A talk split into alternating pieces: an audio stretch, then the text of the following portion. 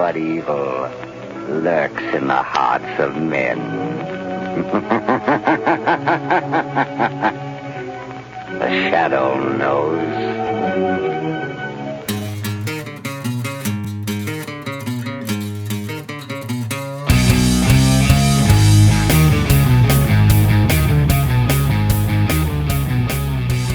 Hej og velkommen til Supersnak med Marvel Morten og Kim Helt, alias Morten Søndergaard. og Kim Skov. Det her er podcastet, hvor to tidligere tegneserieredaktører taler sig tosset om superhelte i film, tv-serier, bøger og populærkultur. Men med en helt særlig kærlighed til tegneserierne, mediet, hvor alt godt opstår. Netop. Og i dag skal det handle om Batman før Batman og Superman før Superman. The Shadow og Doc Savage, pulp-romanerne fra pulp-hæfterne De kulørte, u- underlødige, smid væk litteraturhæfter. fra 1930'erne, er, er hovedsageligt fra det forlag, der hedder Street and Smith. Street and Smith. ganske legendarisk. Nu øh, indleder vi jo altid med, øh, alt det bedste kommer af te- øh, tegneserierne, hvor alt godt opstår. Men nu handler det jo altså om alt det gode, som tegneserierne er opstået af. Simpelthen. Den, den øh, hvad hedder det, mødinge på, nej, den kompostbunke, lavet af pulphæfter, hvor der bl- blomster de her vidunderlige ting, ting frem. Ja, og det er jo noget, vi godt kan lide at vende tilbage til en gang imellem. Vi har snakket om religion og myter, og vi har snakket om Sherlock Holmes, og vi har snakket om Tarzan, og vi har snakket om Conan, og, og alle de her ting. Men pulphæfterne, De er meget, meget vigtige. det er utrolig betydningsfulde, og det er noget af det, vi vil komme ind på løbende, hvor meget, hvor direkte afsmittet de i virkeligheden er. Noget af det er decideret planket. Ja, det kommer vi også ind på. det kommer vi også ind på. Hvorfor er det egentlig, det hed pulp-hæfter? Jamen, det er jo fordi, at det var trykt på pulp-papir. Og det var det billigste af det billige, fordi de her øh, pulp, de kostede som regel 10 cent. Mm-hmm. De steg op til 15 og 20, 20 cent senere. Og så skulle der jo ikke, det var jo ikke bøtte, øh, 200 grams bøttet papir med læderindbinding. Det var cheap, cheap, cheap, cheap. Og det var det billigste øh, papir, man kunne øh, finde overhovedet. Og det er også derfor, at hvis du samler på gamle pulphæfter, så er de i total opløsning. Yes. Fu- fuldstændig. Yes, yes. De er meget svære at finde i flot stand. Og det var også fordi, det var beregnet til at læse og smide væk simpelthen. Ja.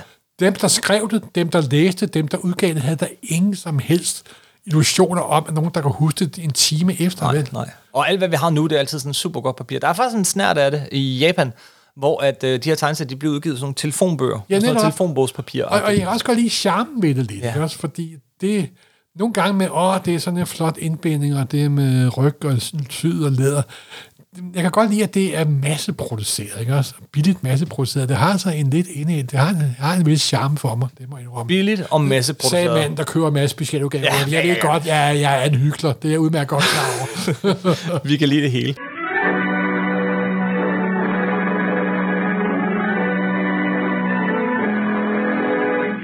Det her forlag, Street Smith, som udgav alle de her pulp-hæfter, øh, ja, altså det er jo et gammelt forlag. De begyndte allerede i 1890'erne at, at udgive sådan et ugeblad med øh, en held, der hed Nick Carter. og han er jo kendt den dag i dag, faktisk. Ja, jeg synes, han skulle lige nævnes, før vi kommer til The Shadow og Doc Ja, Savage. ja, ja. Men vi kommer også ind på andre. Fordi, hvem er det Nick Carter, han er? Eller var, skulle jeg måske rettere sige. Han var sådan en slags proto... Øh, han var en Sherlock Holmes. En amerikansk Sherlock Holmes. Ja, altså, og han har jo skiftet i, i 60'erne, og jeg kan da huske i 60'erne og 70'erne, der kunne man købe danske paperback-udgaver af ham. Ja, jamen han har, han har udviklet Han har sig. været så- så- agent og alt muligt andet, men jeg kender ikke særlig meget til Nick Carter, det må jeg har aldrig læst en eneste. Er det Nick Carter. rigtigt? Simpelthen. Nick Carter... Jeg har jo en ophøjet smag, ved du. Ja, men Nick Carter kom jo faktisk øh, et glimt, et lille bitte øjeblik før Sherlock Holmes. Jo, gjorde han det? Ja, det gjorde han, så det burde du faktisk læse lidt af, for du Hva? kan jo godt lide Sherlock Holmes. Nej, jeg elsker Sherlock Holmes. så du burde faktisk måske øh, læse noget af det tidlige Nick Carter. Hvornår startede Nick Carter? Åh, oh, det ved jeg ikke oprindeligt. Øh, 1880? Nå, okay, jamen så er det før, for Holmes kom jo op i det her berømte julehæfte Ja. med The Study in Scarlet. Ej, Ah, ja, men Nick så kan jeg Carter- trække mine onde ord tilbage. Ja, i New Weekly hed det. Så det var, det var simpelthen en, en, en, det var en nogenlunde færdig afsluttet historie om ugen. Ja. Jeg skal love for, at de har haft øh, gang i skrivemaskinen, de stakkels mennesker dengang. Øh, Og det er jo sikkert en produktion, der er opstået, fordi de havde en skrivemaskine. Ja. Frederick Clay skrev den.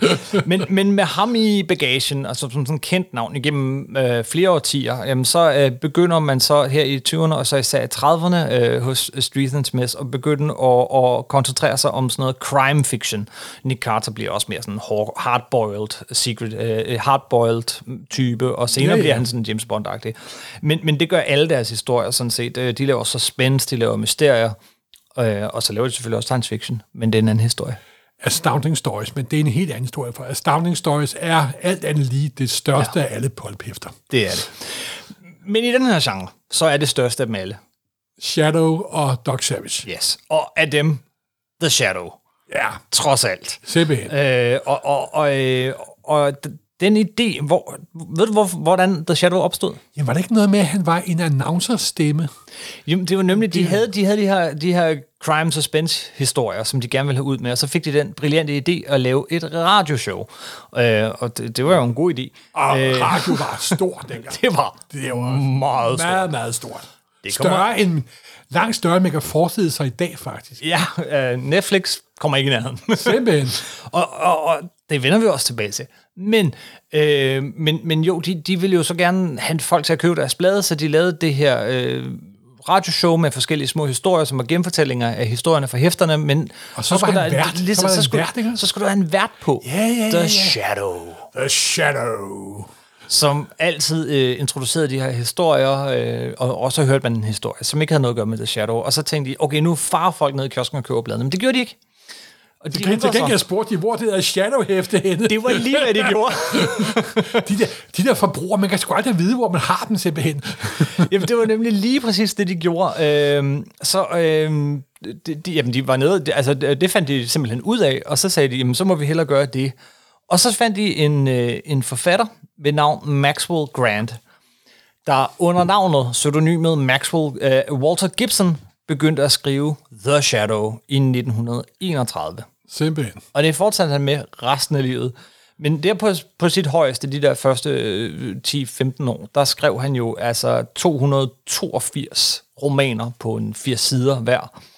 Ud af de 325 år, der kom, øh, 325, der kom på 20 år.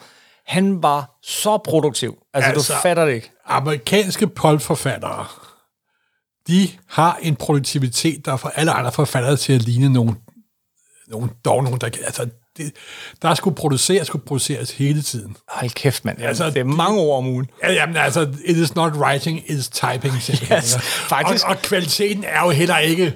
Ikke altid. Men, nogle, men der er altså, er ligesom, her. ligesom med Robert E. Howard og alt muligt andet, der er en energi over det. Ja, Det er er der. bare derude af hele tiden, og en gang imellem, så kom der sgu også noget godt ud af det, simpelthen. Ikke? Jo, og ja, faktisk, altså nu du siger typing, øh, han, han, øh, det- altså det var imponerende for alle. Noget af det første, han købte, det var sådan en corona øh, skrivemaskine, ikke? Ja. Og corona skrivemaskinen havde sådan et stort cardboard cutout med ham, hvor der stod, hvor mange ord han havde skrevet på den der skrivemaskine. Så, så det, det blev faktisk bemærket, hvor meget han skrev. Der går jo historier om, at nogle forfattere, de brugte ikke et papirark, men en papirrulle. ja. Og hvorvidt det passer, det må guderne vide. Der er også en, det er også en, de kunne også godt lide myterne om sig selv, de der Yes, yes. pulp writers her. Men for dem, der så ikke øh, kender The Shadow, og nu må vi hellere nå dertil programmet, hvor vi beskriver, hvem han egentlig er, Ja. er at Han han, har en blød hat og et hasterklæde. Han har sådan en fedora. ja. Og så har han et rødt helsterklæde, han har rundt om munden, og så har han sådan en trenchcoat, han går rundt i. Øh, Ja, eller nærmest, det er jo nærmest en kappe, jo nærmest, ikke? Ja. Så er det en uformelig sort klump, ikke? Jo. Vi kan også, tror, vores lytter godt kan mærke, hvor vi er på, på vej hen. ja, ja, fordi det er jo lidt sjovt. Han har, der er nogle kendetegn ved ham, ikke? Altså, han opererer om natten, han har en hemmelig identitet, han har sidekicks, han har et fast figurgalleri, og han har det her kostyme med fedora, trenchcoat og rødt tørklæde. Og så har han også en lille øh, fingerring med sådan en lille sten. Pistoler. Og så har han to pistoler, som han, øh, som han bruger. Øh, Og så har han jo også et, øh, et motto. Ja, Who knows what evil lurks like in the heart of men? The shadow knows. Og sådan startede alle radioprogrammerne, og sådan startede det her afsnit af Supersnak. Nå, Også. nå okay. Ja. Oh, Klar. Men nu du nævner de to pistoler, øh, det har han i popbladene. Og i popbladene, der, er han, der skyder han på livet løs. Han, ja, altså, han slår hundredvis øh, ihjel i popbladene. Altså, hans holdning til kriminalitet i samfundet er meget, skal vi sige, Det skal man slå- praktisk. Praktisk, praktisk, det skal man slå hårdt ned på, ikke? Øhm, og, og, og, og bare ved det der kendetegn, han er sådan øh, selvlært mand, han har rejst i Mellemøsten og lært sig nogle, nogle, nogle af de her evner, og det, lyder også sådan lidt bekendt som en, vi kender, det ikke, gør det ikke lidt? Øh, og, så, og så lige sådan sidebemærkning, han, han har også nogle sugekopper, han bruger til at kravle op og ned af bygninger. Ah, Ja. men, men, øh, men han fik jo så også sit øh, radioshow. Ja. Ja. Og The Shadow i pulp-hæfterne og The Shadow i radioshowet. er to meget forskellige personer. Ikke meget Ah, forskellige. men der, men, der er, fordi Shadow radiosendelser var jo til hele familien. Fordi familien sad jo omkring radioen Ja. og hørte, og det var både bedsteforældre og forældre og børn og det hele. Og det var jo sådan til et lidt bredere publikum, så der havde de jo tunet volden lidt, lidt, lidt ned. Ikke? Ja, og de der to pistoler, de røg ligesom med ud. Ja. Til gengæld så fik han jo nærmest en superkraft. Hypnotiske egenskaber. Ja, det var sådan en hypnose, som gjorde, at folk ikke kunne se ham. Just that I am the shadow, and the shadow can only be heard, but never seen. Men de kunne se hans skygge. Ja. Og høre ham. Så det er jo meget, det er jo meget godt fundet på, når nu havde, når han hedder The Shadow. Jamen, så han var den der stemme, der bare var et eller andet sted. Det er noget, de bruger til stor effekt, især når... Altså, Dem, der producerede radioshows dengang, de var ikke UEFI. det var Det de var imponerende øh, høj kvalitet i betragtning af, meget de producerede, og hvor hurtigt det, det skete. Yes. Og, og så er det måske ikke for tidligt at sige, at det er der, det her afsnit af Supersnak, det kulminerer. Fordi det kulminerer med øh, et afsnit, hvor vi har nødet, nødet har klippet nogle reklamer ud af, men et afsnit af The Shadow, helt tilbage fra 30'erne, øh, med, med Orson Welles. Wow. Men det kommer vi til. I, øh, i øh, hvad hedder det, i popbladene, så havde han som sagt øh, en hemmelig identitet, og den var bemærkt navnet Kent Allard. Kent Allard. Øh, og så havde han jo også mange andre hemmelige identiteter. Øh, Henry Arnaud, Fritz the Junior og så videre. Sådan lidt Moon Knight-agtigt. Det er godt nok mange år siden, jeg har læst, men er det ikke også sådan, at man ikke rigtig er helt klar over, hvem han er i en ting? Ja, det udvikler sig lidt Ja, over tid. ja. Fordi øh, radioen blev utrolig populær. Ja. Og det har selvfølgelig også en virkning på, øh, på pulp-hæfterne. Og Ligesom MCU-filmen smitter af på tegneserien. Ja. Og i, i, øh, hvad hedder radioen, er det Lamont Crest, Creston. Ramon Ja. Christian, ja, Og det, det. både i tegneserier og i popbladene, så er den der hemmelige identitet jo en, en rigmand, sådan en playboy. Nej, ja. det, det er simpelthen... Er, er, er det ikke lidt? Ja. Og han du har, siger, at han har røde underbukser på og kan flyve, så bliver jeg meget irriteret. Nej, nej, nej, nej. Men, øh, men til gengæld har han jo en kæreste, eller, eller partner er hun vist. Øh, De er ikke kærester. Hun hedder Margaret, Margaret, Margaret. Lane. Lægen, selvfølgelig gør, gør hun om det. Så det her er altså historien om Lane og Kent. ah, men altså. Jo, men hør du her. Stan Lee, Jerry Single, Joe Schuster og alt Jack Kirby, de er jo vokset op med det her. Det var det, de læste, da de var børn og teenager. Det var det, de hørte i radio. Det var det, de hørte i radioen. Og med mange forskellige oplæsere i øvrigt. Med alle mulige oplæsere og alt muligt. Det er jo klart, det havde været en del af deres DNA. Mm. Og så smide noget Boros og noget, og noget Synes Verne oveni, så er det jo en trykkoger, der gjorde, at det skabte det, vi holder så meget af. Jo, ikke? Det, det, det er fuldstændig rigtigt. Øh, hvad hedder det? I, i radioen, er, alle, jeg tror mange ved, at Orson Welles læste op, men, men ham, der har den der, The Shadow, Who Knows, The Shadow Knows, det er faktisk øh, Frank Riddick. Det, det er en helt anden øh, oplæser, og den stemme bevarede de hele vejen igennem. Men mange forskellige, den kørte i mange år. Øh, og så har han også et, et fast skurkegalleri, den kære øh, The Shadow, øh, Shivan Khan, som er med i filmen, og, øh, og Mosquito og Voodoo og Wasp, og et forbryder, øh, hvad hedder, en forbryderorganisation, som hed The Hand. Nej! Det er løgn. Nej, det gjorde den. Og vi ved jo, Frank Miller var Er glad der for overhovedet det. taget noget originalt i de heste, vi så godt kan lide? Det er sjovt, fordi der, der er kommet sådan en herlig bog, som er anledning til det her afsnit. Ja, det var, det var den, du huggede. Jeg kunne godt Fuldstændig. den mange gange. Mange gange. Jamen, jeg, jeg strøg lige igennem den. Den hedder Pulp Power. Den er fyldt med alle de originale covers. Den er rigtig god. Og den og, har... og coversne er jo så Gudskønne. vidunderligt effektivt. Yes. Der blev tit nogle gange brugt mere energi på et flot farvecover, end det, der var inde nogle, nogle gange. Yes. Ved du, hvem der har skrevet forordet til den her bog? Frank Miller. Ja, selvfølgelig har han det.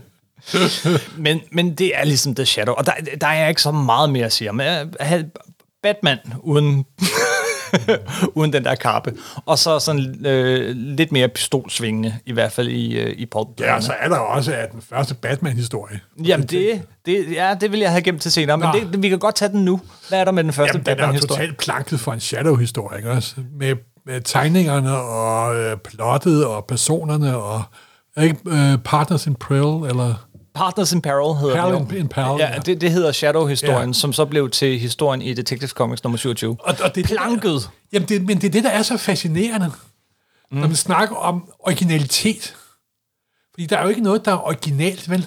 Uh, nej, Alt, alt nogle er stumper, du har pillet op gennem en øh, lang liv med at læse og høre, og så sætter du det sammen på en ny måde, og så bliver det originalt, ikke også? Ja. Det er jo det, der er så fascinerende ved det, ikke? Det er det, og det er også er. derfor, den der evige diskussion om, hvem har lavet hvad, hvornår, den er nogle gange totalt nyttesløs, ikke? Jo, jo, men, men det, det er faktisk vildt. Øh, Udover The Shadow og, øh, og Margaret Lane, så er der jo en tredje karakter, som er sådan øh, en af hovedpersonerne, ikke? og det er politikommissæren, Ralph Weston, hedder han godt nok. Trods alt. Ja, to be continued, Morten. Men, men politikommissæren, og det er jo ham, de har tegnet Ja. ind i uh, Ja. Detective Comics 27, så Og det Telekom 27, øh, mellem 60 og 80 procent af tegningerne er også planket andre steder fra, simpelthen. ja, ja. De kom efter det. Ja, det må man sige. De kom efter det. Der, øh, der kom også film allerede i 1931 til 32 og 37, og der er et hav af serials. De er ikke rigtig værd at genbesøge, vil jeg sige. Der var, du ved, de her 14 Der er kun et 16 menneske på jorden, der er i stand til at se dem. Ja, det er Jacob Stikkelmann. Det er Jacob Stikkelmann. Det er også ham, der anbefalede mig bogen her. Ja, ja, jeg kan godt mærke, at du er blevet inficeret af hans skift.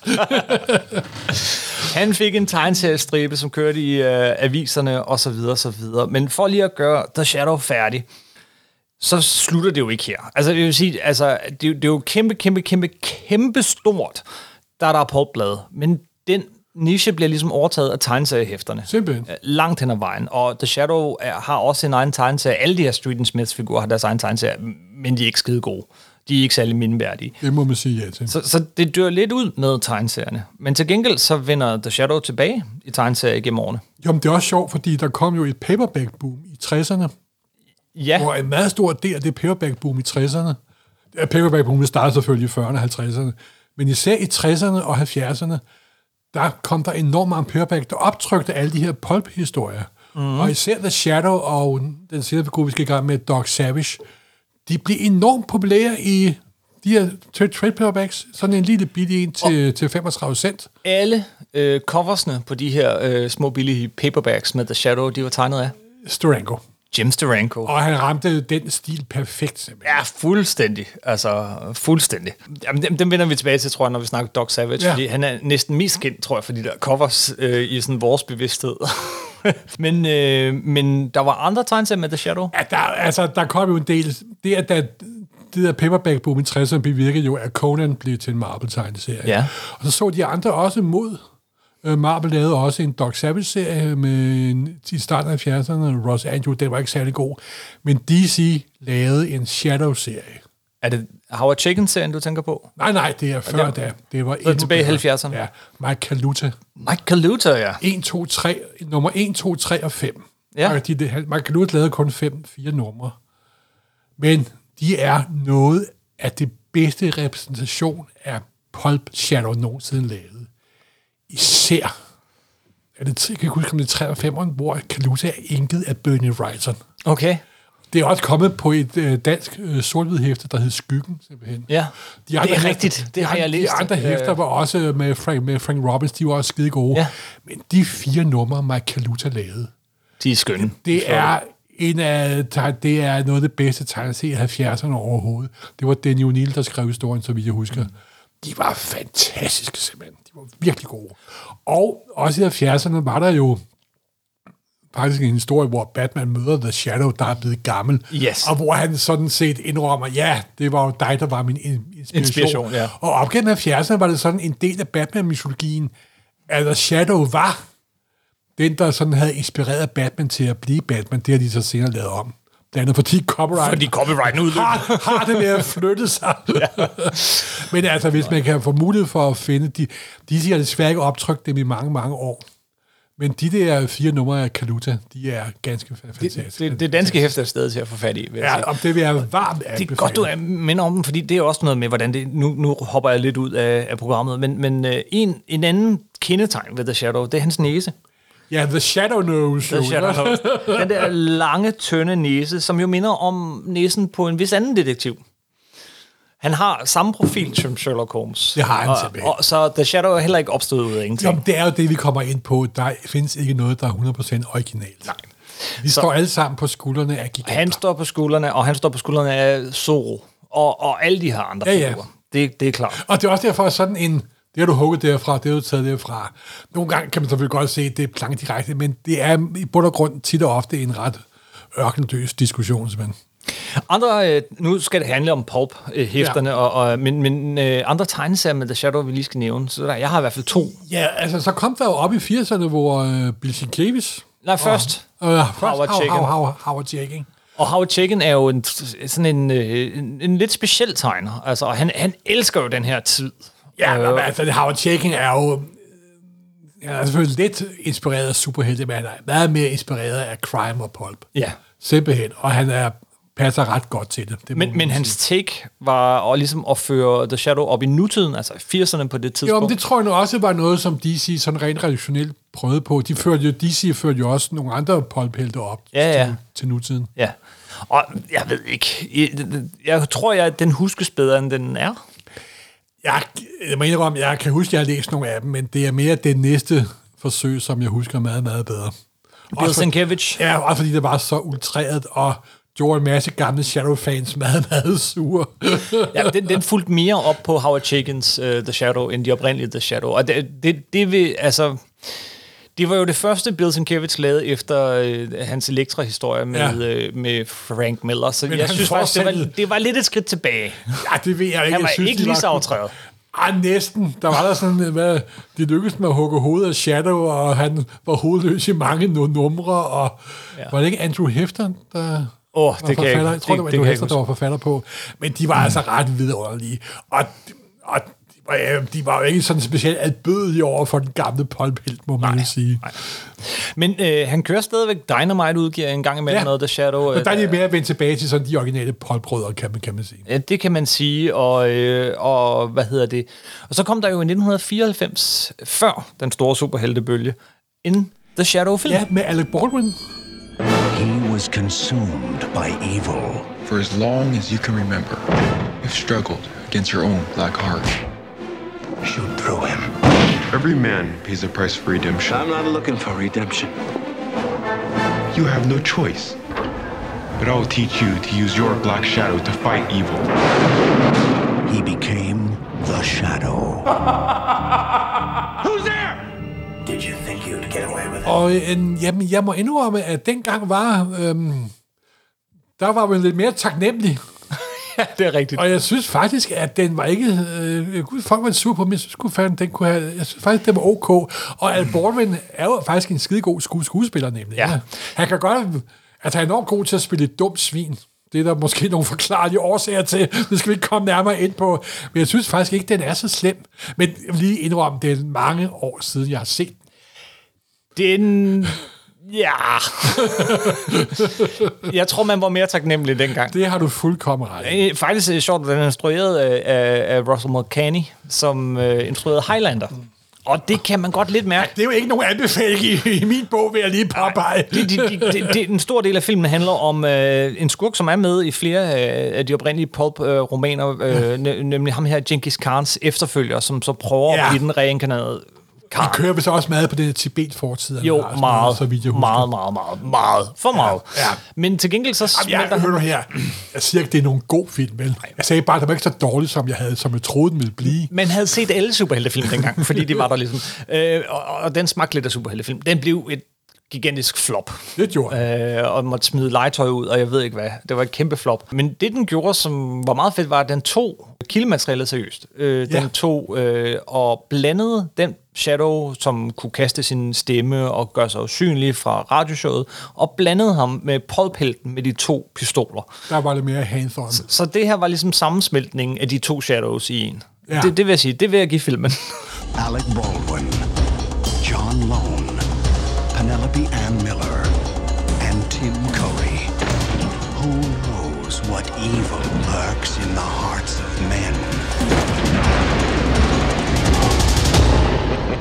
Shadow.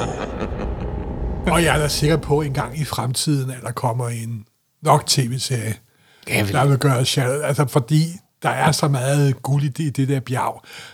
Så man skal, men hvordan det så skal udvindes, det må guderne vide. Er det lige så meget, at en af de øh, bedst sælgende forfattere overhovedet lige nu øh, hedder øh, James Patterson. Og øh, den sidste bog, han udgav, det var The Shadow. Okay. Så The Shadow er her. The Shadow ja. forsvinder ikke. Det gør han ikke. Men han var ikke den eneste. Nej, der var jo, når vi har sagt mørke, må vi også sige lys. Ja. Men før vi kommer til lyset, så vil jeg bare lige nævne nogle af de andre, fordi Ja. de er sjove. Øh, og, og det er bare lige for lige at, at nævne dem nærmest. Men altså, nogle af de andre øh, pulphelte, som var sådan forholdsvis øh, succesfulde fra, fra øh, øh, hvad hedder det, Street and Smith, det var The Whisperer, som var sådan en øh, vigilante politikommissær, med, der ligesom farvede sit hår øh, sådan kridhvidt, og, øh, og så begik selvtægt. Men han var politikommissær, og ved du, hvad han hed? Åh oh, nej. James Wildcat Gordon. det vidste du ikke. Jeg havde glemt det, hvad jeg, har- jeg har fortrængt det. Han hed James Gordon. Politikommissær James Gordon. Har Bob Kate og Bill Fingerhoof fundet på noget som helst originalt overhovedet? Man skal bare grave ned i 30'erne. Man skal bare grave ned for. Ej, det har jo nok været en eller anden, øh, skal vi kalde det hyldst, øh, at planke en er shadow-historie. Og så to tage, unge mennesker, der skulle finde på noget i en fart, øh, inden, det, øh, inden det blev mandag, og det blev Batman. det vidste du ikke. Jeg skraldgrinede, da jeg havde Åh, det havde jeg fuldstændig Ja, glemt. så, så Kent, Lane og, og, og nu også James Gordon. Øh, så var der en anden serie, øh, som hed The Avenger. Ja, Den handlede om en mand, der på tragisk vis mister hele sin familie. Det er faktisk, jeg, jeg læste øh, lige de første kapitler af den første. Det er Ja. meget fængende. Det er sådan noget med, at han, han sidder oppe i et fly sammen med sin familie, og så skal han lige gå på toilettet.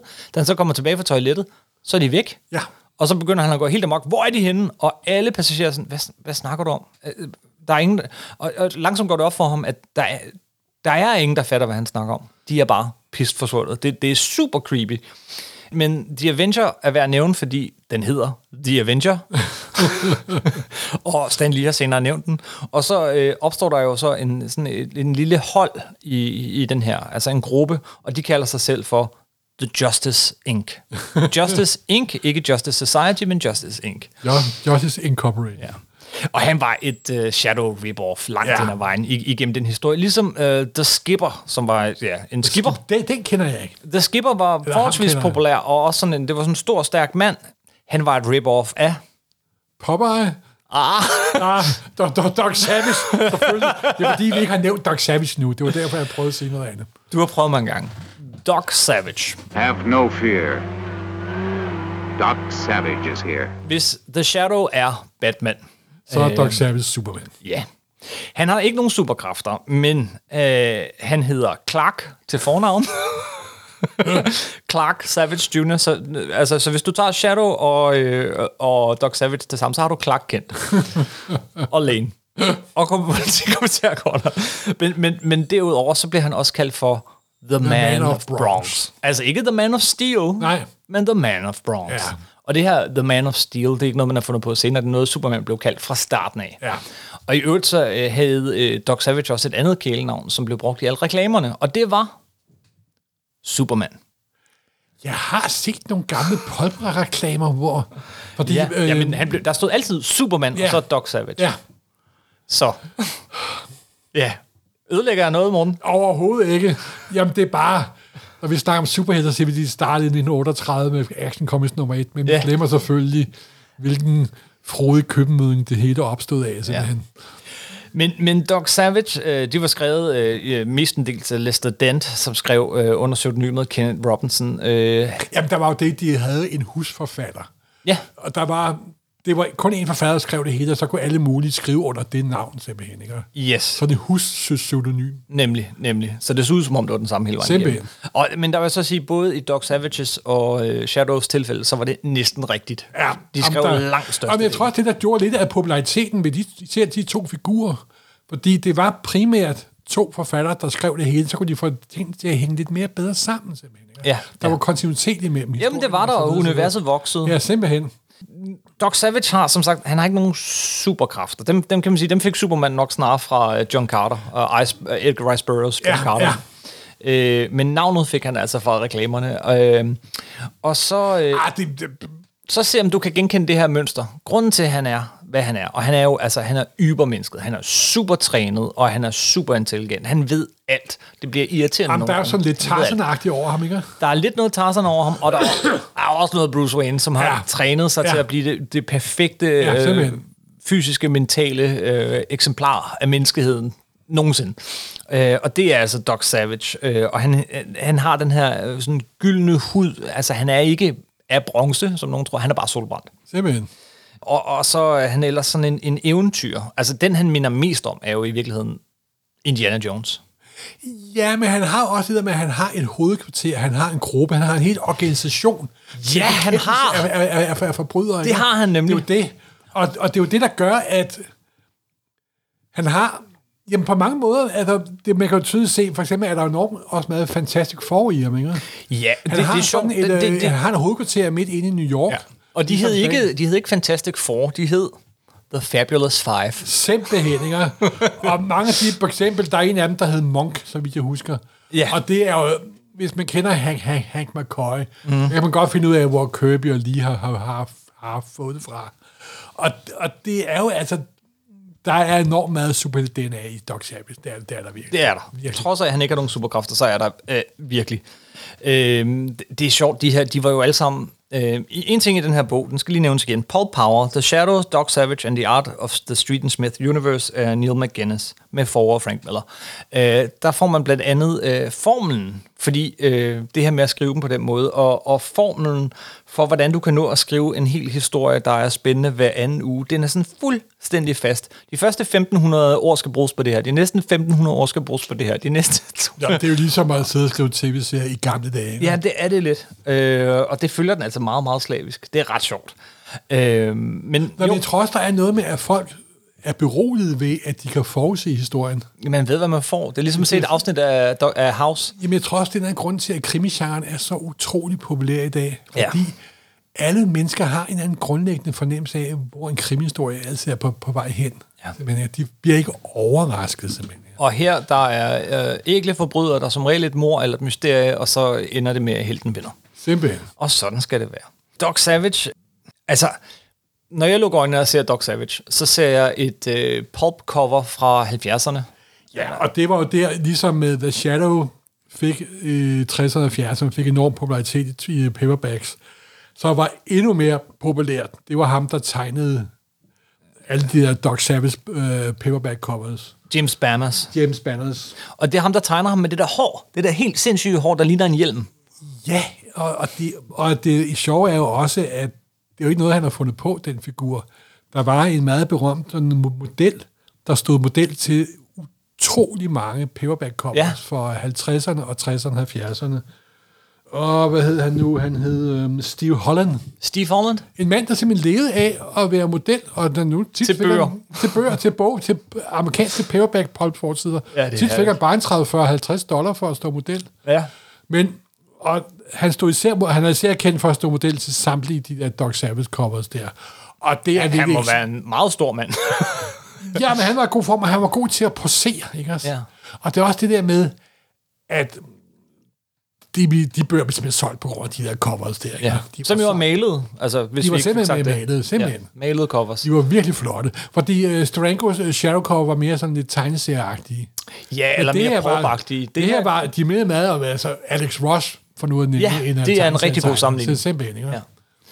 Ja. Øh, men, men, og jeg tror, det var de her pulp-hæfter, der gjorde, at Doc Savage ligesom blev så populær igen, at han fik sin egen film. Ja, og jo mindre sagt om den, jo bedre. When slithering horror threatens,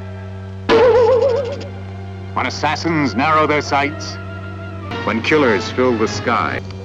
When the green wigglies are coming to get you.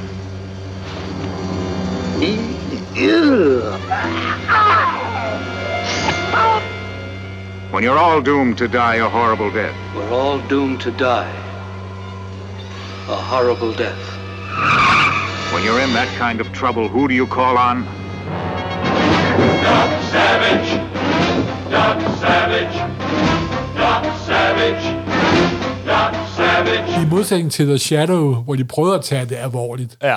så da de lavede den her Doc Savage-film, The Man of Bronx, Doc Savage, så var det mere sådan, åh, vi må lave sådan lidt smule kitsch. Doc Savage.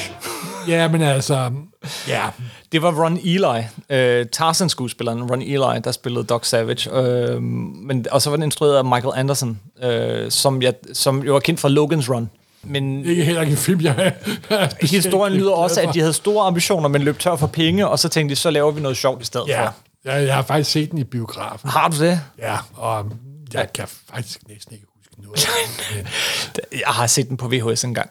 Øh, og den, men altså, det bevirkede af Marvel jo selvfølgelig. Åh, oh, der er en film. ja, Og så lavede de faktisk sådan nogle, øh, en bunke sort hæfter. Mm. De der Curtis Magazine, der er uden for Comics Code. Og der er med Don Munch og John Buscema især. De lavede faktisk nogle rigtig gode sådan kopier af de gamle pulp, fordi den moderne film var oppe i vores dage, så vidt jeg husker. Men de der, der kom i uh, selve bladet fra Marvel, de var tilbage i 30'erne. Og Don Munch, der jo også tegnede, skrev Master of Kung Fu blandt andet, og senere også masser af Batman, de var sgu rigtig underholdt. Det var ikke det store tegneseriekunst, vel? Men hvis du falder over en så de kommer også i de der eh, Marvel Essentials sort-hvid. Du får fat på en af de her klumper, så er det bestemt underholdende tegneserier, simpelthen. ja. Og han, ja, han røg ind under, og DC øh, har også brugt Ja, ham ja, flere fordi gange. uh, copyrighten er jo faldet fra... Det er faktisk jo DC, der har behandlet ham bedst. Adam Cooper øh, med... Er det Daniel Neal eller Mark jeg kan ikke huske forfatteren. De lavede faktisk en øh, enormt god Doc Savage øh, miniserie på fire numre, hvor de bragte ham op til vores dage, hvor han havde været fanget i en uendelig tidslykke, og det var faktisk en rigtig god hi- historie. Der er jo faktisk også det, jeg er jo en stor science fiction fan, og en af mine yndlings science fiction fatter, det er jo Philip Joseph Farmer. Ja, det ved Det er jeg. mest kendt for Real World. Han har også den glæde ved de gamle pulp. Han har faktisk skrevet en biografi over Doc Savage, som han var et ægte menneske. Ja, det er en- Doc det er en sjov genre. Er Apocalypse Biography. Okay. Og faktisk også skrevet en Doc Savage roman, Escape from Loki fra 91. Så hvis man falder over dem, så skulle man tage og læse dem. Fordi Philip Joseph Farmer er en rigtig god forfatter, så det, du kan faktisk læse en Doc Savage-historie skrevet af en god forfatter. Han dukker jo også, ikke ved navn, men han dukker op i Planetary, i en af de ja. bedste sekvenser. Ja. Det gør og så han. langt senere hen, så lavede DC et meget sjovt univers for nogle år siden. Øh, Brian Azzarelli lavede det, der hed First Wave-universet, Ja, hvor DC har jo copyright på alt. The Spirit. Nej, Marvel. ikke alt. Di- Disney har du også en del, Nej, nej. Marvel har, ja, ja, ja, Disney har en del, men Men det der First Wave, hvor de lod en masse helte, der ikke har superkræfter. Og, og der optræder Batman, den unge Batman med pistoler. Uh. Doc Savage og The Spirit er i samme univers. ja. Og Ja, ja, ja, jeg ved ikke rigtig. Øh. jeg vil sige, sige at øh, Brian Settle lavede sådan en miniserie på seks numre, plus ja. et specielt hæfte, der er samlet sådan en bog, der hedder First Wave. Den er værd at læse. Og den er faktisk værd at læse, faktisk. Okay. Og der er også et eksempel på, hvordan at de hele tiden prøver at genopleve de her pulphæfter. Ja. Nu er der endnu et firma, der har sagt, at om år, om et stykke tid, så kommer vi med en ny Tarzan-udgave. Ja, selvfølgelig. Simpelthen, og de har prøvet med John Carter for nogle år siden, ikke med særlig stor held. Nå ja, filmen. Men de prøver igen og igen, og jeg garanterer dig for, at der kommer også en Shadow, der kommer også en Doc Savage igen. Altså, vi, vi kunne faktisk... Øh, I 2006 annoncerede Sam Raimi, at han, øh, han havde købt rettigheden til Street Smith-universet, og han havde tænkt sig at lave både en Shadow-film og en Doc Savage-film. Hvor øh, Dwayne Johnson skulle have spillet Doc Savage. Det snakker han stadig om nogle gange. Ja, men det er jo sikkert heller ikke det værste valg, men... Men det, det, det, det, det skete ikke, ligesom så mange andre ting Jamen, simpelthen, simpelthen. Øh, ja, men i stedet for at bevæge sig længere ind i fremtiden, så skulle vi måske bevæge os tilbage til fortiden igen. Simpelthen. Og høre et afsnit, øh, som det lød dengang, da Pulp regerede verden. øh, og det er, det, altså, det, det er et afsnit af The Shadow, hvor Frank øh, Riddick selvfølgelig indleder med Who knows what evil lurks in the hearts of men. Og så kommer der så, øh, det er sådan cirka en tredjedel af programmet, en utrolig stor bunke reklamer for Blue Coal. The second part of the Shadows adventure will continue in just a moment. In the meantime, let's talk about how to save money. You will begin saving money when you use Blue Coal. It is an American product mined by the Glen Alden Coal Company. Unlike many other fuels, Blue Coal is especially prepared for use in American homes whose heating plants were designed to use anthracite. And to be sure of getting the best anthracite, order Blue Coal. Its blue color identifies it at a glance. Det er var det, der betalte regningerne, du. Jeg har klippet øh, reklamerne ud, men jeg kan sige så meget, at øh, Blue Coal, det var, det var, øh, der var nogen, der havde været smart, og så havde de taget helt almindelig kul, og så havde de hældt blegemiddel i, så det fik sådan en blå farve. så det stak ud på hylderne, og så kunne man lære, at det var altså det rigtige at fyre med. Meget smart. Wow. Men nu skal vi øh, høre Orson, Orson Welles. Orson Welles, som på det her tidspunkt er 2-23 år, Ja. og allerede vildt travlt optaget af Mercury Theatre. Der var jo den øh, myte omkring, han havde det Mercury Theatre, som, som der gav kæmpe underskud, Ja. ja. hvor han lavede eksperimentalteater og alt muligt andet, og så skulle han jo tjene nogle penge, og, og så- det foregik. Og der er nogen, der påstod, at han havde sådan en ombygget ambulance, som ville kunne køre med sirene, så han kunne nå at køre fra det ene studie til det andet. For at lave The Shadow. Men og vidt det passer, fordi hvis der er nogen, der er mytoman, så er det Orson Welles. Det, der i hvert fald passer, er, at han havde en særlig aftale med dem, om at øh, han, han aldrig skulle læse manuskripterne på forhånd. så han, han tog bare manuskriptet og begyndte at læse fra en ende af. Genialt! Han anede ikke, hvad der skulle ske. Men Orson Welles er jo et fantastisk naturtalent, og verdens største røvhul og verdens største ego. Og verdens største t- øh, naturtalent. Ja. I rollen som Margot Lane, nu siger jeg lige igen, Lane, øh, der har vi Agnes øh, Moorehead, og, og hun er selvfølgelig også kendt for en masse af alle mulige forskellige af de her Mercury Theatre ting. Blandt andet så spiller hun moren i, øh, i Citizen Kane. Ah, ah, Ja, ja, ja. Og den kære politikommissær... som der er jo øh, instrueret af Orson. Ja, Orson Welles. Ja. Det, det tror jeg, folk ved. Ja, vi det skulle håber jeg det. Det håber jeg da. og politikommissær Ralph Winston du- dukker også op. Så hele figurgalleriet er her, og han får også fortalt øh, undervejs i historien, øh, hvordan hans kræfter virker her med den der øh, hvad hedder det, skygge og stemme, han kan, han kan Øh, kaste øh. og skjule sig. Historien, den hedder The Poison Death. Og når jeg lytter til den, så vil jeg sige, det, det kunne lige så godt være en tidlig Batman-historie, eller sådan en Fleischer-Superman-tegnfilm. Simpelthen. Øh, med en gal videnskabsmand øh, på hævntogt og, og alt sådan noget. Men altså, skal vi ikke bare skrue op for det, og så sige, her er Orson Welles og Company, når han er bedst, når han improviserer over et manuskript. Simpelthen.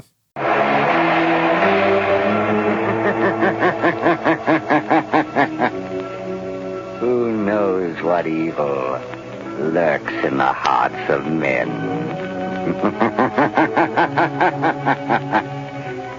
the shadow knows.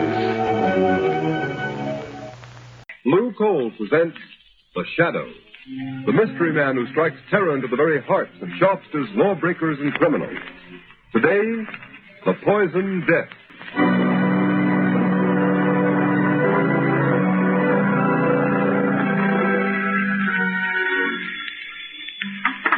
Mercy Hospital. Quick, send an ambulance to 217 Shoreview Road.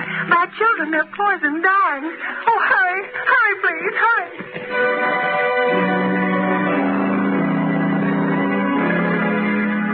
Doctor, doctor, what's wrong with my husband? He's been poisoned. Poisoned? Isn't there something you can do? Some way of saving him? No, I'm sorry, my dear. It's too late. Your husband is dead. Oh.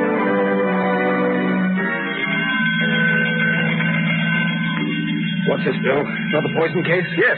The calls are coming in faster than we can answer them. Well, this one will have to go to General. The emergency ward is full, not a cot left. It's the same thing in every hospital in town.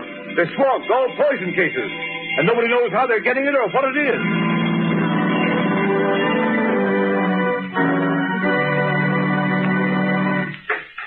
Come in, Commissioner Weston. Thanks. I came over as soon as I got your message, Mr. Mayor. Sit down, Commissioner. You know why I sent for you? Yes. I hate to admit it, but we haven't one single clue to go on. I've had the entire police force working on this poison epidemic for three days, and we're right where we started. And the first ransom note was sent to the newspapers demanding a million dollars ransom or this city of over a million souls will be wiped out, poisoned, I thought it was a hoax. Mayor, it's a wild scheme of a crazed mind. It can't be anything else. I don't agree with you. The ransom note was signed The Shadow. This same Shadow you claimed has helped you solve so many crimes, but who has never asked for reward or credit. I don't believe the Shadow sent that note, Mayor. No? Hmm.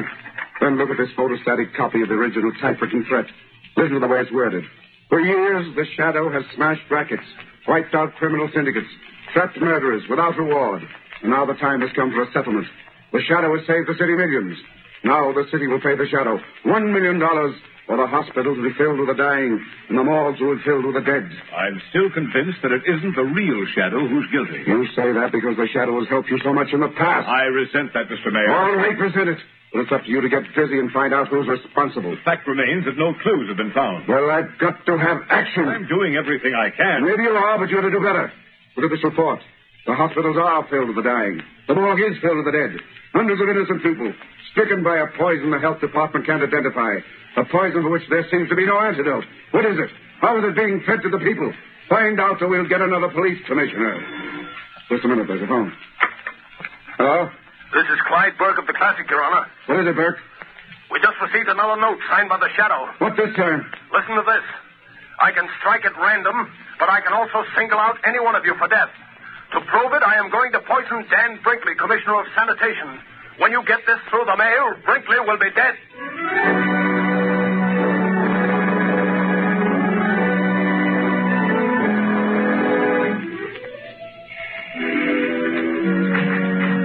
Princeton. Hello, Margot. Thank heavens you're back. Have you discovered who's poisoning all these people? Who's using your name, the name of the shadow? Oh, no, Margot. Every theory uh, I've worked on has led nowhere. Whoever he is, this man masquerading as the shadow must be absolutely insane. There's no doubt about that, Margot, but it's the insanity of a genius, not of a money-mad fool. What strange, distorted mind could devise such a terrible scheme? Margot, let me see that map of the city again. I'll get You it. know the one where we marked all the areas affected by this wholesale poisoning? Yes, I know. Hmm. Here you are, Lamont. There you see. Uh, the cases are widely scattered all over the city. And have you any idea how these people were poisoned? Must have been put in food or milk or something. There have been so many poisonings. It, it doesn't seem humanly possible it could have been administered individually. No, they were poisoned in groups. In every house affected by the poison, no one escaped. It wasn't poisoned milk. The newspapers checked on that, and it couldn't have been the food. No, the food those people ate came from a hundred different stores. Wait a minute, Margot. You've just given me an idea. What's the one thing that all these people must have had at some time or another on the day they were poisoned? Uh, what do you mean, Lamont? Margot, I think I've got it. Water. Yes, water, that's it. How could that be? I don't know, Margaret, but that's the answer. I'm sure of it. That explains the grouping of the poison cases. But how? Could have been done at the water meter introduced into the main pipe in the basement somewhere. So many different places without somebody Yes, noticing? and Margot, who could tamper with the water pipes in the basements of any building in the city and not arouse suspicion? Why, well, if someone from the water company is the man who reads the meter. Exactly, or someone posing as a representative of the water company. Oh, sir. Margot, come on, let's open the window. Something else has happened. Oh, Lamont, it's like a nightmare. She's saying, Daniel Brinkley, Commissioner of Sanitation, found poisoned after warning. X-ray! X-ray! Read all about it. The oh, close the window, Margot. Lamont, why do you suppose Commissioner Brinkley was singled out? Margot, distorted mind, especially that of a brilliant man, will very often move along a straight line from cause to effect. This case follows a line so simple and so straight that the police do not even suspect who he is, Margot. But in killing Brinkley, he deviated from his original purpose long enough to settle a grudge. This is that one mistake the greatest of criminals make. You mean it's somebody whom Commissioner Brinkley wronged? Yes. But Brinkley may never have wronged anybody. A man with a warped mind like this, an imagined wrong can inspire revenge just the same. Maybe it's someone who worked under Brinkley, someone in the Department of Sanitation. Margot, the pieces of this crazy puzzle are beginning to fit together. Where's yesterday's paper, the one with the photostatic copy of the ransom note sent by the man masquerading under the name of the Shadow? Oh, here it is, Lamont. I kept it along with all the other clippings. Oh, let's see. For years, the Shadow has smashed rackets, wiped out criminal syndicates, trapped murderers without what... Margot, Hmm. look at this. The letter E, it appears five, no? No, six, seven, eight times, and every time it appears out of line. And look. Yes. Look here, the letter A is blurred. Margot, it's like ABC, the obvious clue. You could only find that typewriter. Lamont, out of all the typewriters in the city, it would be like looking for a needle in a haystack. Don't you suppose the police have considered that angle, tried to find that machine? Well, perhaps they have, but without first logically working out the problem as to the one place where that machine might be, they, they're wasting their time.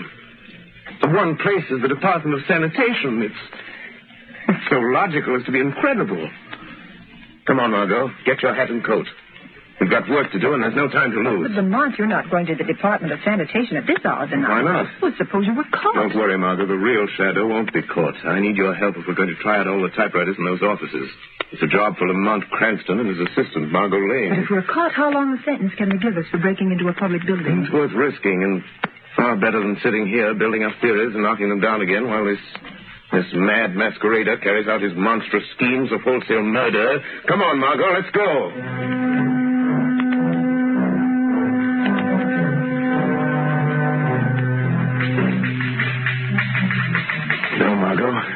No, this isn't the machine. It's the last one in here. Let's try the next office.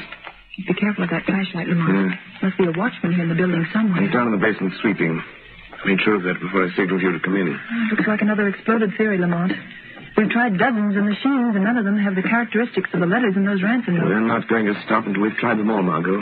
There's a door there leading to the back part of this floor, Lamont. Mm, yes, it says um, Private Office of Chief Chemist A.D. Gerber.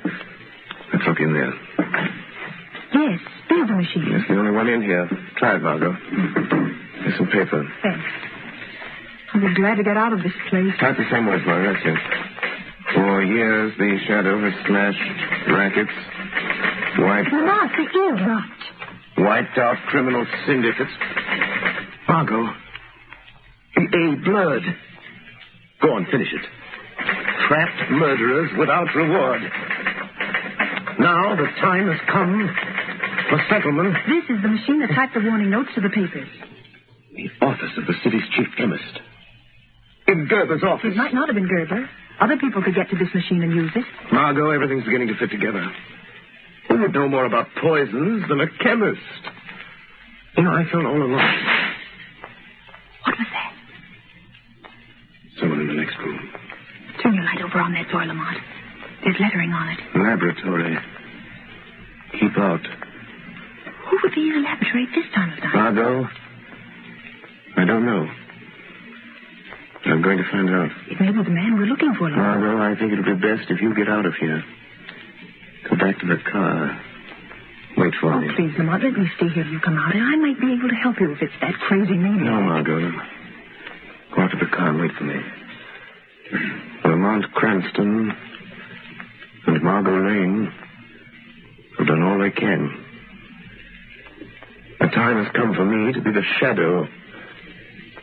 The real shadow must open that door.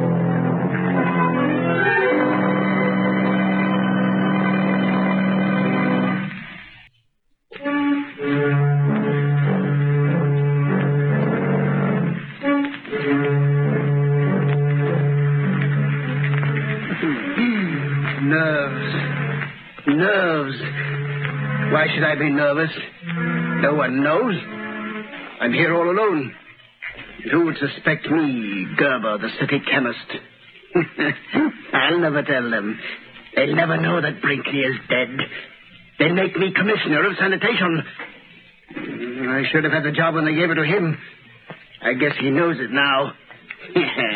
Gerber, bring me that report. Gerber, why didn't you do this? Gerber, why didn't you do that? Treating me like dirt. Uh, all that's over now, though. over and done with. Hey, mm, how did that door get open? Must have forgotten to close it. Must be getting absent-minded. Yeah. Got to be more careful. Someone might come in. Might ask me what I'm doing. What I'm making. What are you making, Gerber? Wait, what was that? Who said that? Who laughed? The shadow spoke. The shadow laughed, Gerber. Shadow? Yes, Gerber. I am the shadow. You know my name. You've been using it as a cloak to cover your excursions into the realm of murder. Oh, you can make yourself invisible, Shadow. Or, or are you hiding? I happen to be master of the ancient art of hypnotism, by which I can blind your eyes to my presence. But you are really here in this room. Physically, I mean. Yes, I opened that door. I walked into this room. I am here. Quite near you, Gerber. How did you find me? By a process of elimination. Because you made one mistake in your admirable train of logic. A mistake? Yes. When you murdered Brinkley, the Commissioner of Sanitation, I knew it must be someone who had a grievance against him, real or imaginary. Mm, real or imaginary? Oh, I see. You think I am insane, Shadow? The sanity of a brilliant mind is not measured by ordinary standards, Gerber. Yes, that's it. My co-workers know I'm brilliant. They don't think I'm eccentric because when anybody's around, I'm on my guard. What were you doing when I came in, Gerber? Filling this bottle. Uh, what is in that bottle, Gerber? What is that crimson colored fluid? That is the poison, Shadow. I'm supposed to be analyzing the blood taken from my first batch of poison victims, but instead I've been making more poison. You see? it's all ready now. Would you like some, Shadow? I'll be glad to give it to you. What are you going to do with that bottle of poison, Gerber? Or are you afraid to tell me? No, I'm not afraid. You can't stop me. The devil himself couldn't stop me. Listen, I'm going to drive to one of our fashionable suburbs where all the important people of the city live. There's a high steel water tower there. I'm going to climb that tower and pour this little bottle of poison through the trap door at the top. It will be diluted in the water, carried into the homes of all those prominent people. and by tomorrow night, they will all be dead. It is fortunate I found you in time.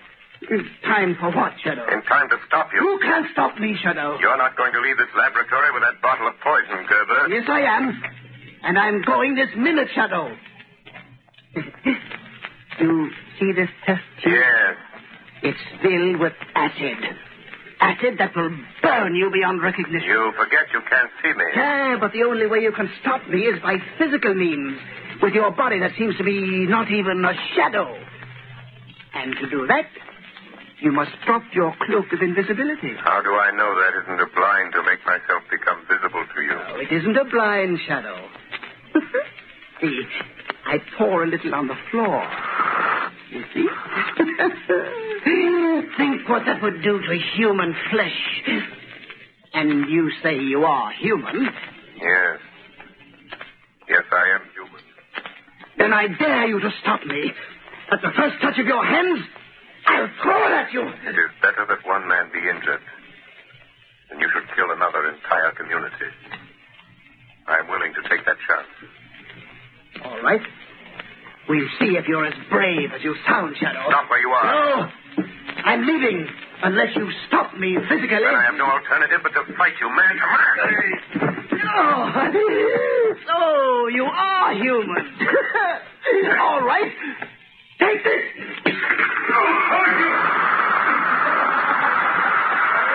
I warned you, Shadow. You will be burned beyond recognition. That acid will eat into you to the very bone. Goodbye, Shadow. At last you've met someone who is your match. now there's no one to stop me putting the poison in that water tower.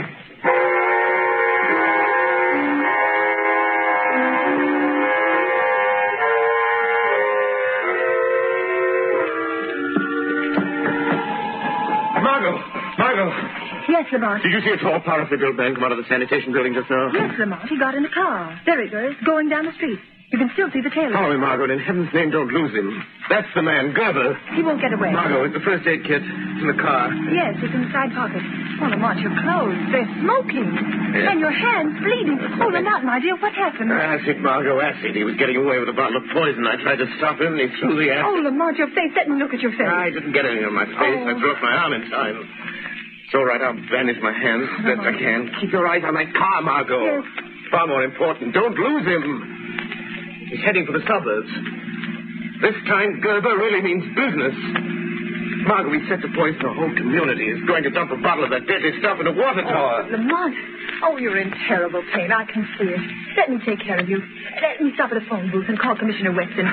Let me send out a general alarm and pick this man No, up. Margot, we have a job to do. We lose Gerber. If we stop him, the police wouldn't be any good. We'll find out where he's going, and then we can call the police. All right, Lamont. You know best. I'll try not to lose him.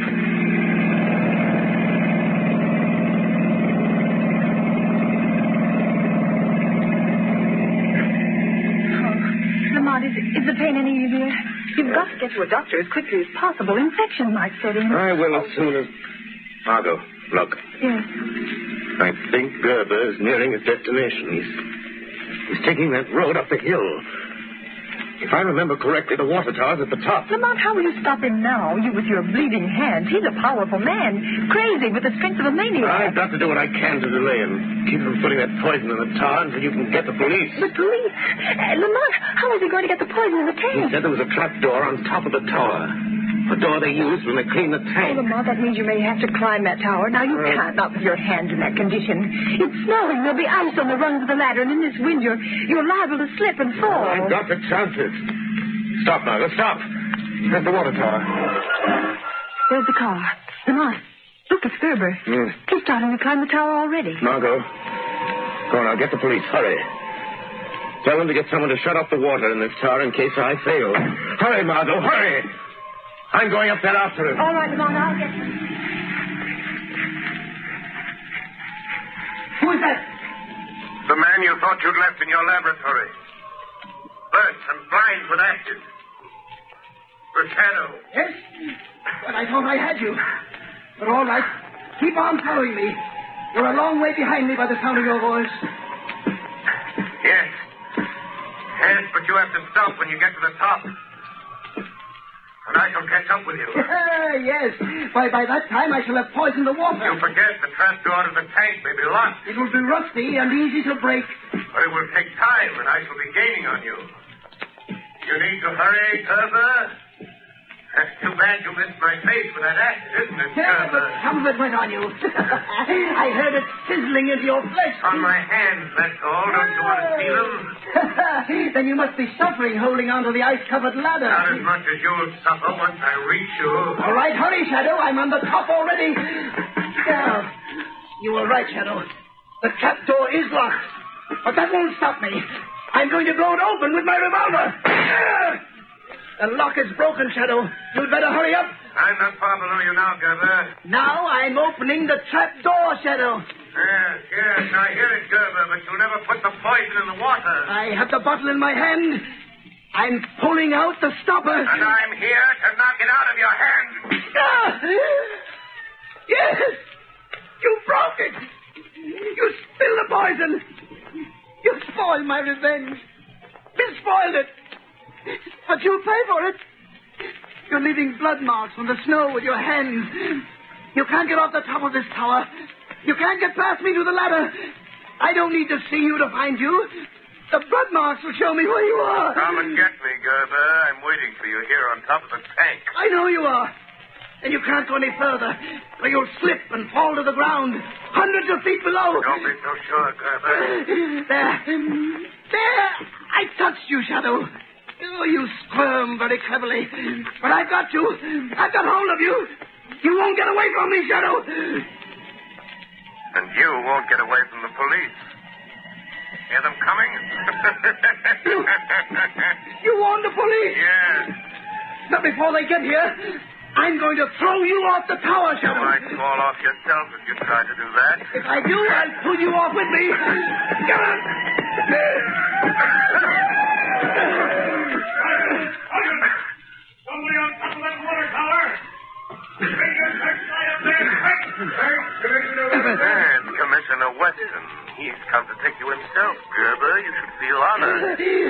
He'll never get me.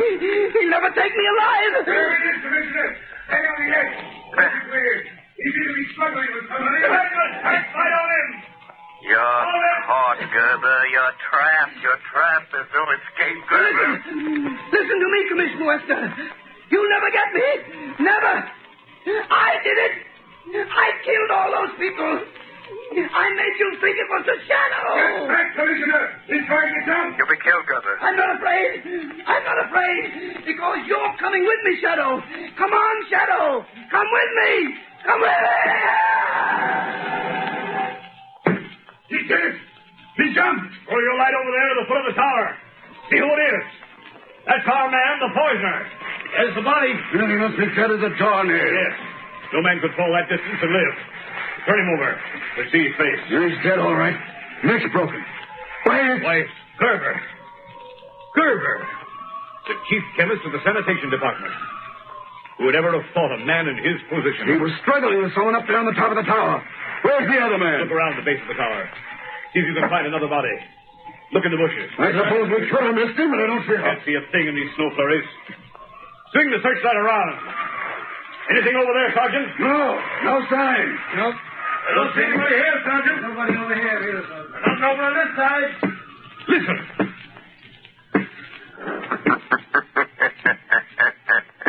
Shadow.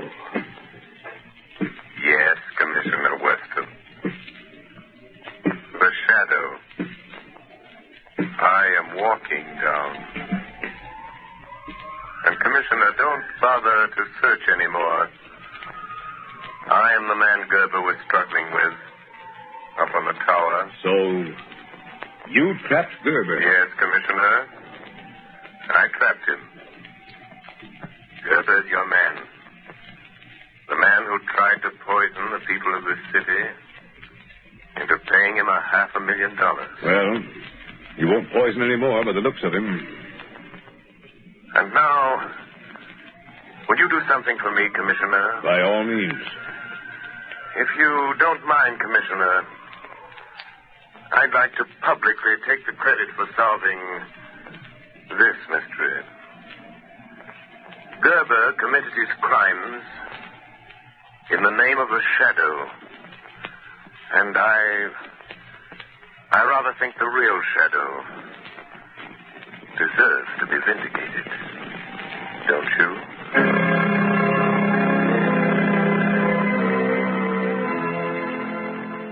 Malcolm siger om Orson Welles, at han kunne levere varen. Og Mørke Theatre er jo også meget kendt, skråstreget berygtet for deres øhm, War of the Worlds. Ja, som kom lidt senere.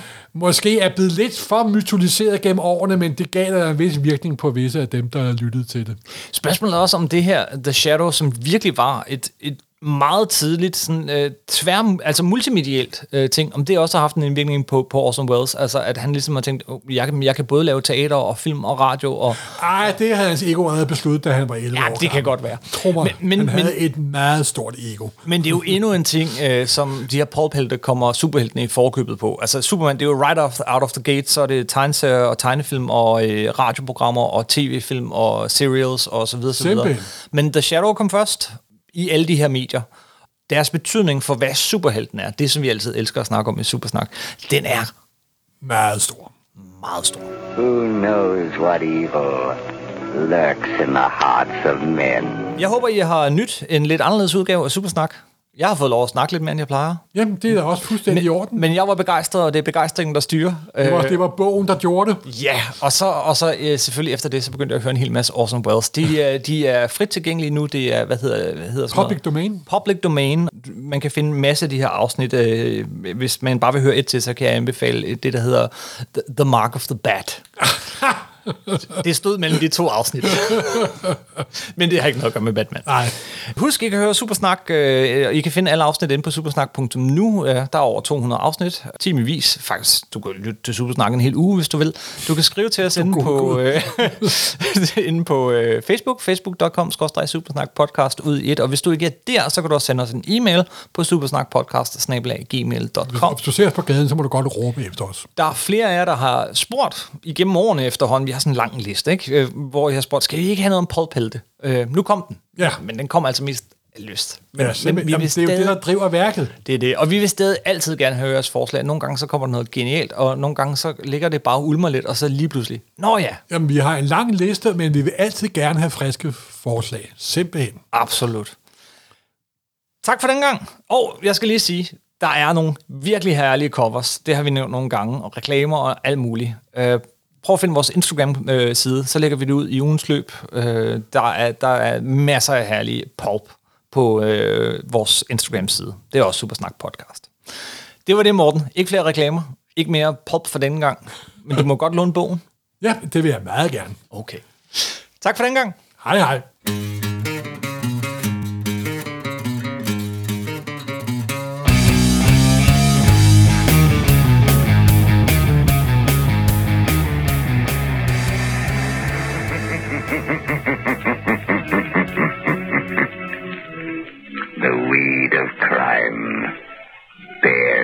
Bitter fruit.